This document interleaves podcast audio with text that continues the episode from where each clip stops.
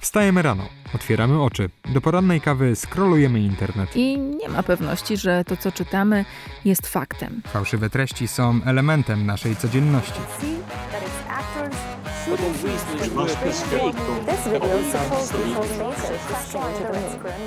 Jak rozpoznać dezinformację? Jakie są jej techniki? O tym będziemy rozmawiać w czwartym sezonie podcastu Demagoga. Zapraszamy. Mateusz Cholewa i Wiola Myszkowska. Dzień dobry, z tej strony Wiola Myszkowska. Dzisiaj wyjrzymy poza Europę. Kilka tygodni temu w Brazylii odbyły się wybory prezydenckie. W drugiej turze spotkali się były prezydent Luiz Inácio Lula da Silva oraz aktualny prezydent Jair Bolsonaro. Tego drugiego możecie pamiętać z jego roli w szerzeniu dezinformacji, między innymi na temat pandemii COVID-19.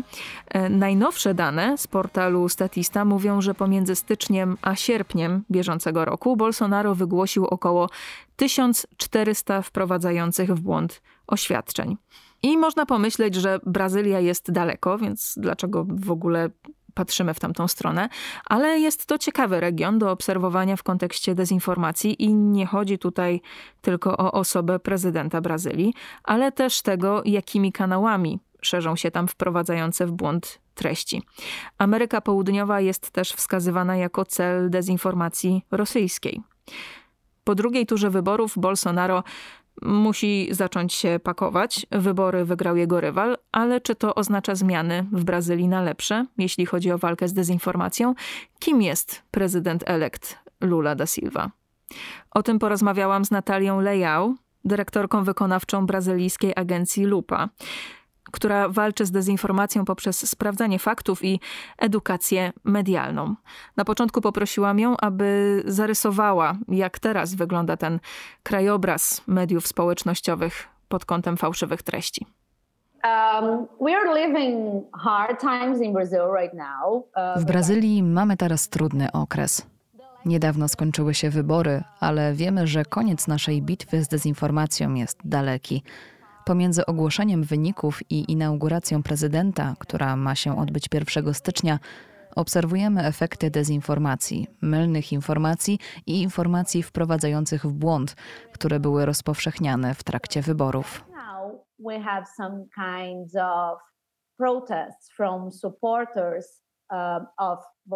Zwolennicy Bolsonaro teraz protestują. Każdego dnia podważają wyniki.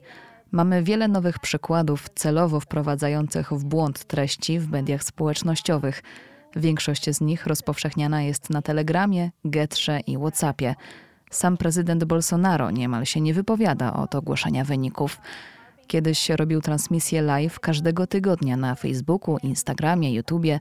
Nie robi tego już od końca października ale inwestuje swój czas w swego rodzaju w tworzenie subtelnych w tonie treści adresowanych do swoich zwolenników.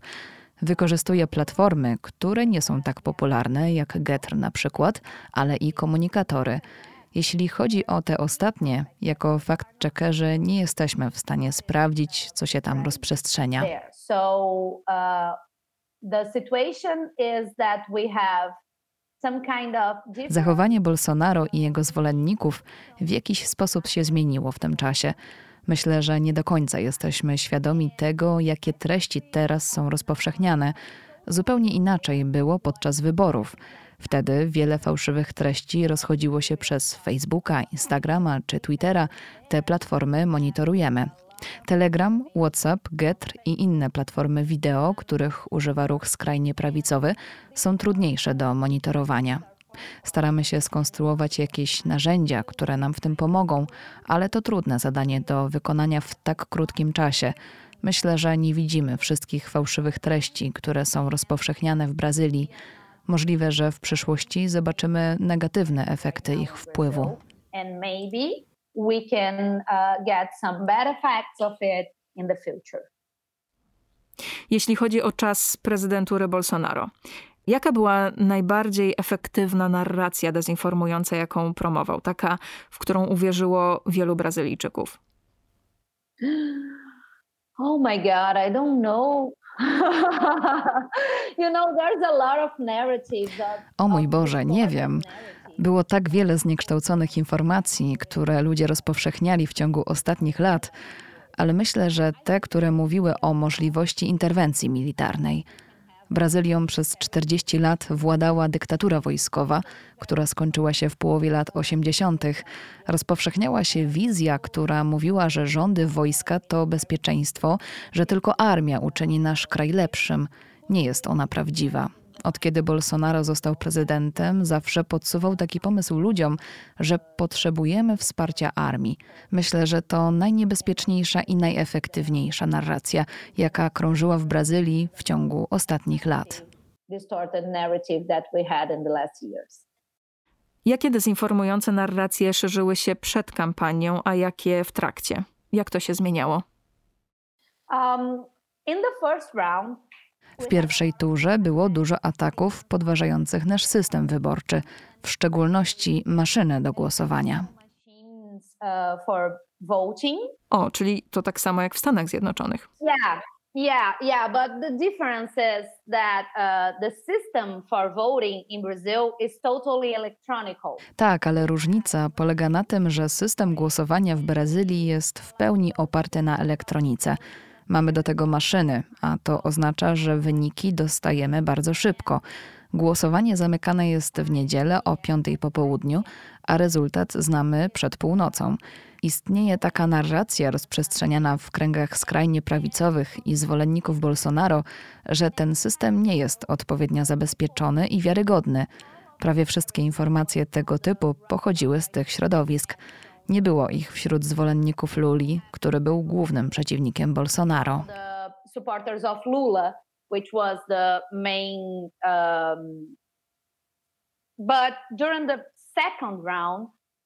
Natomiast w trakcie drugiej tury kandydaci atakowali się nawzajem. Rozmawiali o swoich życiorysach, o tym, czego się dopuścili, a czego nie. Były pewne różnice pomiędzy pierwszą a drugą turą a po ogłoszeniu wyników wróciły narracje z pierwszej tury. Teraz mamy dużo treści kwestionujących wybory, a zwolennicy Bolsonaro domagają się ponownego przeliczania głosów. Sam Bolsonaro stara się przekonać swoich zwolenników, że muszą o to poprosić, ponieważ wyniki nie są wiarygodne. Um, Nasz wyższy sąd wyborczy, TSE, stara się monitorować tego rodzaju narracje, aby wnosić o kasowanie takich treści w mediach społecznościowych lub ograniczenie ich zasięgów. Nadal walczymy. Szerzy się wiele fałszywych treści i nie jestem w stanie powiedzieć, czy jest ich więcej niż wcześniej, ale jest ich przynajmniej tyle samo, co w obu turach. Uh, most of it is about the results of the election. Mogłabyś przedstawić nam dwóch kandydatów z drugiej tury? Znamy Bolsonaro i jego rolę w szerzeniu dezinformacji, mamy nawet dane na ten temat, ale kim w tym kontekście jest jego przeciwnik, Lula? Jest podobny? Wypowiadał się na temat dezinformacji? Wiemy, jakie jest jego podejście? Lula to były prezydent. Pochodzi z partii lewicowej, partii pracujących. Tego typu stronnictwa tradycyjnie nie używają fałszywych treści jako strategii w kampaniach politycznych.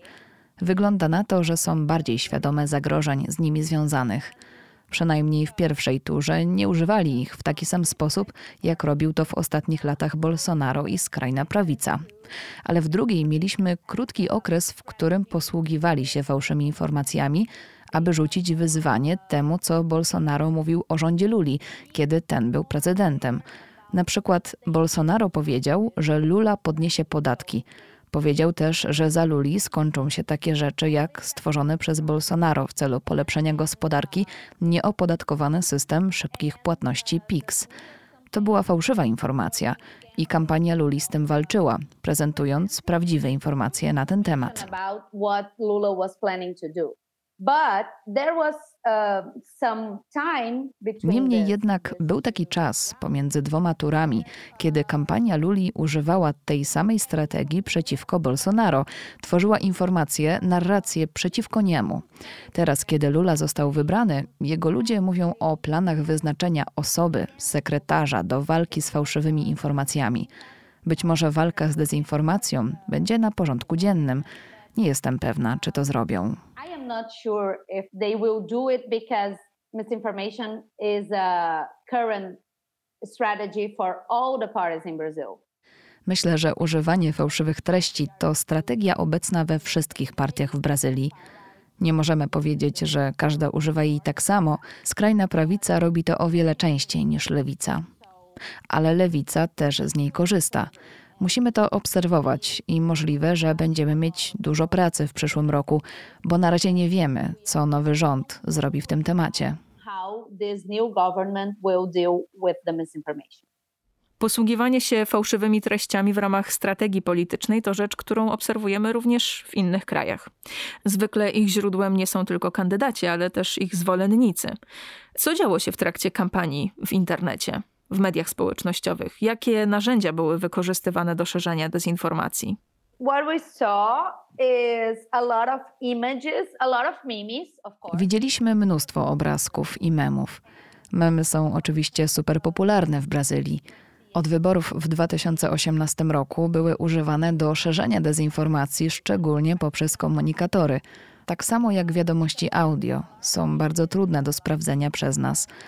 Potrzeba do tego narzędzi kryminalistycznych, których nie mamy.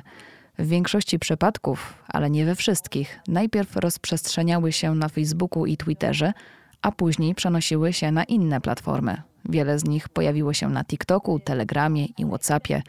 Na tych platformach też są trudne do wychwycenia przez fact-checkerów. WhatsApp, and this is so hard to fact check too. So I should say that these three types Powinnam powiedzieć, że te trzy typy treści wiadomości głosowe, obrazki i memy są w Brazylii niezwykle i nie zawsze związane z którymś z kandydatów.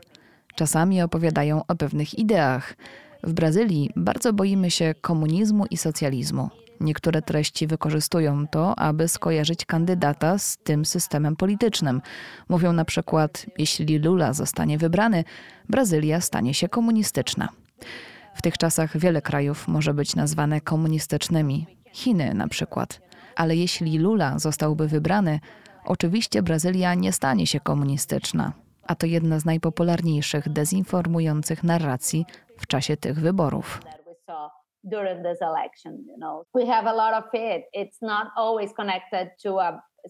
Fałszywe treści zwykle odwołują się do idei i obaw, które są w Brazylii bardzo powszechne, na przykład prawa gejów.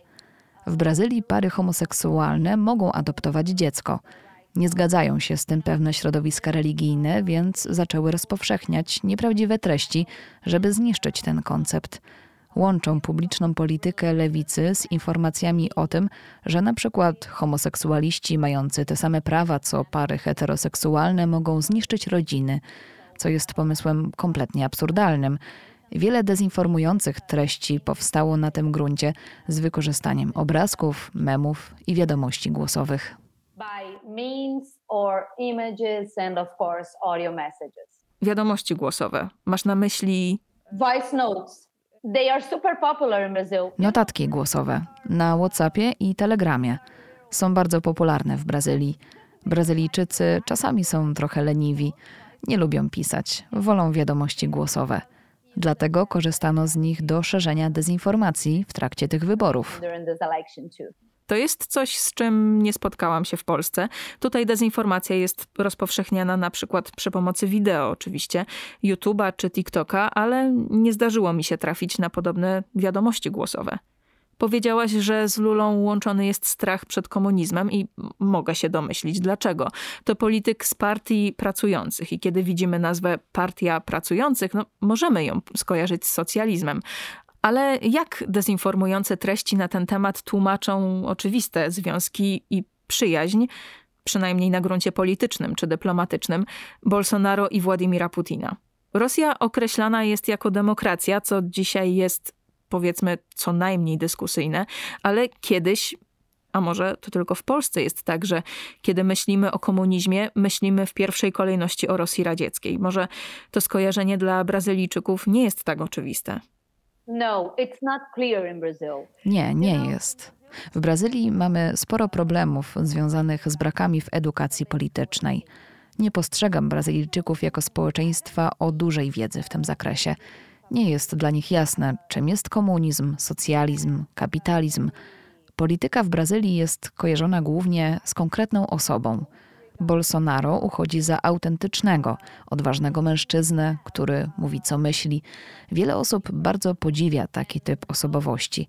Myślę, że ludzie nie myślą o związkach Bolsonaro z Putinem, czy o tym, jak krucha jest demokracja w Rosji. Jeśli Bolsonaro jest przyjacielem Putina, to taka sytuacja wydaje się być niebezpieczniejsza dla Brazylii niż wybór Luli na prezydenta, ale ludzie tutaj się nad tym nie zastanawiają. But people people doesn't uh, doesn't think like this. So. To jedno z wyzwań w kontekście fałszywych treści. Są one łączone z wartościami, wierzeniami, pragnieniami. Jako fakt checkerzy nie rozmawiamy tutaj z ludźmi, którzy uwierzyli w nie. Czasami taki dialog jest niemożliwy. Rozmawiasz z tymi, którzy są otwarci na ideę sprawdzania informacji czy szukania prawdy. Zwolennicy skrajnej prawicy bardziej zainteresowani są osobą samego Bolsonaro, a nie jego pomysłami czy polityką, którą prowadził w ciągu ostatniego roku. Mamy dużą wyrwę w edukacji politycznej i myślę, że na pewno wiąże się to z predyspozycjami do wiary w fałszywe informacje w naszym kraju. in our in our country right now. Domyślam się, że to, że Rosja jest daleko od Brazylii, nie pomaga. W Polsce jest jednym z najważniejszych tematów, między innymi dlatego, że sąsiadujemy z Ukrainą. A jako fakt-checkerzy trafiamy na dezinformacje, której źródła możemy połączyć z Rosją. Wyobrażam sobie, że wam, fakt-checkerom z Brazylii, może być trudniej pokazać ludziom związki pomiędzy tym, co czytają w internecie, a Rosją. Um, we didn't see during this election any kind of misinformation that was originated from uh. W trakcie tych wyborów nie widzieliśmy fałszywych treści, które powstałyby w Rosji i zaburzałyby przebieg kampanii. Na ten czas jest mało takich informacji, które bezspornie związane są z Rosją czy też z Ukrainą. Brazylia nie jest ich tak świadoma i najbardziej przejmuje się swoimi problemami wzrostem inflacji, nierównościami społecznymi w zarobkach, dostępie do edukacji czy służby zdrowia. I to były najważniejsze tematy, o których dyskutowano w trakcie wyborów. Kwestia Rosji i Ukrainy nie pojawiała się zbyt często. Um, um, Wielokrotnie pytano mnie o ingerencję innych krajów w brazylijskie wybory. Póki co nie jesteśmy w stanie tego sprawdzić. Przyglądając się przykładom fałszywych treści, na które natknęliśmy się w tym czasie, nie jestem w stanie stwierdzić, czy część z nich pochodziła z innych krajów. Musiałabym powiedzieć, że większość z nich powstała w Brazylii i dotyczyła brazylijskich problemów.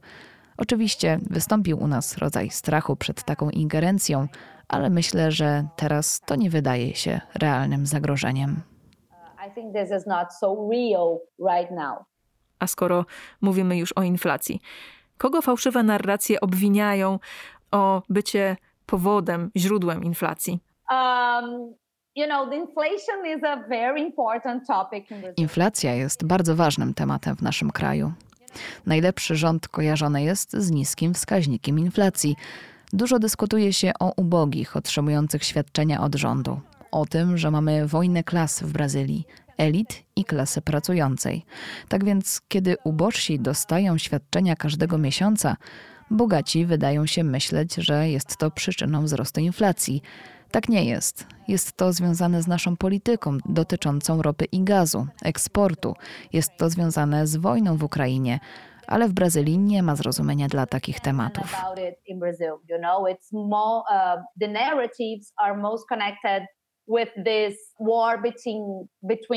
uh. Częściej wiąże się inflację z wojną klasową niż z prawdziwymi powodami. Właśnie dlatego powiedziałam, że Brazylijczycy nie mają wiedzy o naszych realnych problemach. Zawsze próbują jej uprościć, a nie ma prostego rozwiązania dla tych skomplikowanych kwestii.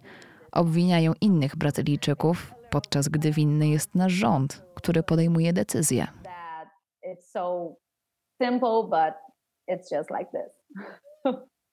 Jakie wyzwania stoją teraz przed fakt-checkerami z Brazylii? Zwycięstwo Luli coś zmieni?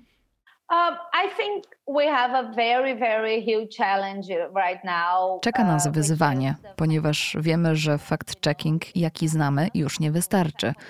Nie wystarczy tylko powiedzieć, że informacja jest prawdziwa czy fałszywa. Do tej pory, kiedy pokazywaliśmy ludziom, że jakieś twierdzenie jest fałszywe, miało to jakiś wpływ na debatę publiczną. Tak się już nie dzieje. Dlatego musimy zmienić nasze podejście do dezinformacji.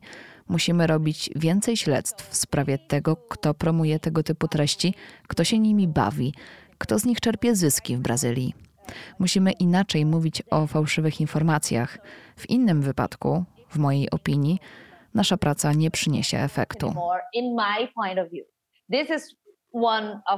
To jest jedna z moich obaw. Drugą są ataki cyfrowe ze strony zwolenników Bolsonaro. Nie wiemy, jak zachowają się zwolennicy Luli w nadchodzącym roku. W dziennikarstwie chodzi o kwestionowanie władzy, a my będziemy kwestionować rządy Luli w taki sam sposób, jak robiliśmy to przez ostatnie cztery lata. Jeśli Lula powie coś fałszywego, wytkniemy to. Tak samo będzie, jeśli zrobią to jego zwolennicy. right now how the supporters will behave in front of it. So Obawiam się ataków w internecie. Jako dyrektorka Lupy staram się stworzyć bezpieczne miejsce dla dziennikarzy, aby mogli pracować. Staramy się promować warsztaty dotyczące brazylijskiego systemu sądowniczego, bezpieczeństwa cyfrowego, aby uniknąć efektów takiej reakcji, jaka była w przypadku zwolenników Bolsonaro. Ale najważniejszą kwestią teraz jest pytanie, jak będziemy sprawdzać fakty w przyszłości bo to, co robiliśmy do tej pory, przestało wystarczać. Próbujemy, ale jeszcze nie jesteśmy przygotowani na to, co przyniesie przyszłość. trying to prepare ourselves for it, but we are not prepared yet. Powiedziałaś, że zwolennicy Bolsonaro bywają agresywni w stosunku do was w internecie. Spotykacie się z podobną agresją poza nim? Czy jest możliwe, że na przykład 1 stycznia, kiedy ma nastąpić inauguracja prezydenta Luli, zwolennicy Bolsonaro wyjdą na ulicę, tak jak zwolennicy Donalda Trumpa w Stanach Zjednoczonych, kiedy 6 stycznia weszli do Kapitolu? Są o wiele bardziej agresywni w internecie, ale nie byłabym zaskoczona, gdyby 1 stycznia wydarzyło się coś takiego jak na Kapitolu. Czuję, że coś organizują, dyskutują o tym. W całym kraju przetaczają się protesty pod siedzibami wojskowymi. Zwolennicy Bolsonaro proszą o interwencję armii i wywarcie presji na wyższy sąd wyborczy, by przeliczono głosy jeszcze raz. To efekty rozpowszechniania fałszywych treści. W ciągu następnych tygodni i miesięcy mogą one eskalować do fizycznego nękania. Staramy się te efekty ograniczyć, ale nie wydaje mi się, żebyśmy mogli, wiesz, uratować cały świat. Mamy pewne ograniczenia. save the world you know we, we have uh, boundaries for our actuation so uh, Staramy się utrzymywać kontakty z instytucjami, aby monitorować takie zdarzenia. Oczywiście zawsze jakaś część społeczeństwa nie będzie zainteresowana kwestią podstawowych praw, poszanowania zasad. Musimy tych ludzi zidentyfikować i spróbować przekonać, by nie robili takich rzeczy. Czasami zwolennicy Bolsonaro atakują dziennikarzy fizycznie, na protestach, na ulicach. Nie zdarza się to często, ale może się to wydarzyć w tygodniu poprzedzającym inaugurację. To też jest kwestia wzbudzająca obawy.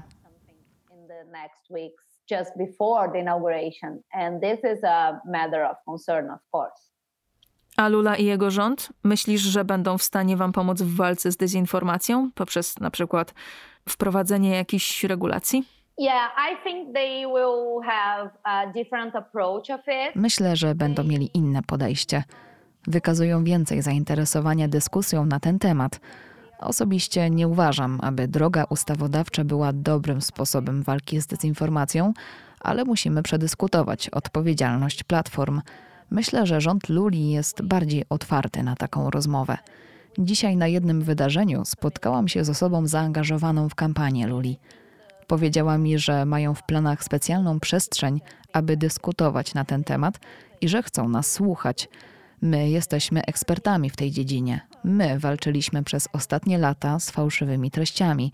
Mam nadzieję, że dostaniemy od rządu jakiś rodzaj wsparcia.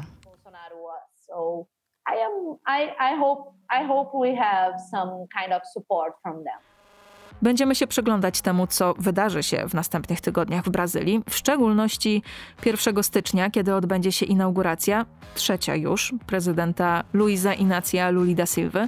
Polecamy również przyglądać się pracy brazylijskiej agencji Lupa, która zajmuje się fact-checkingiem.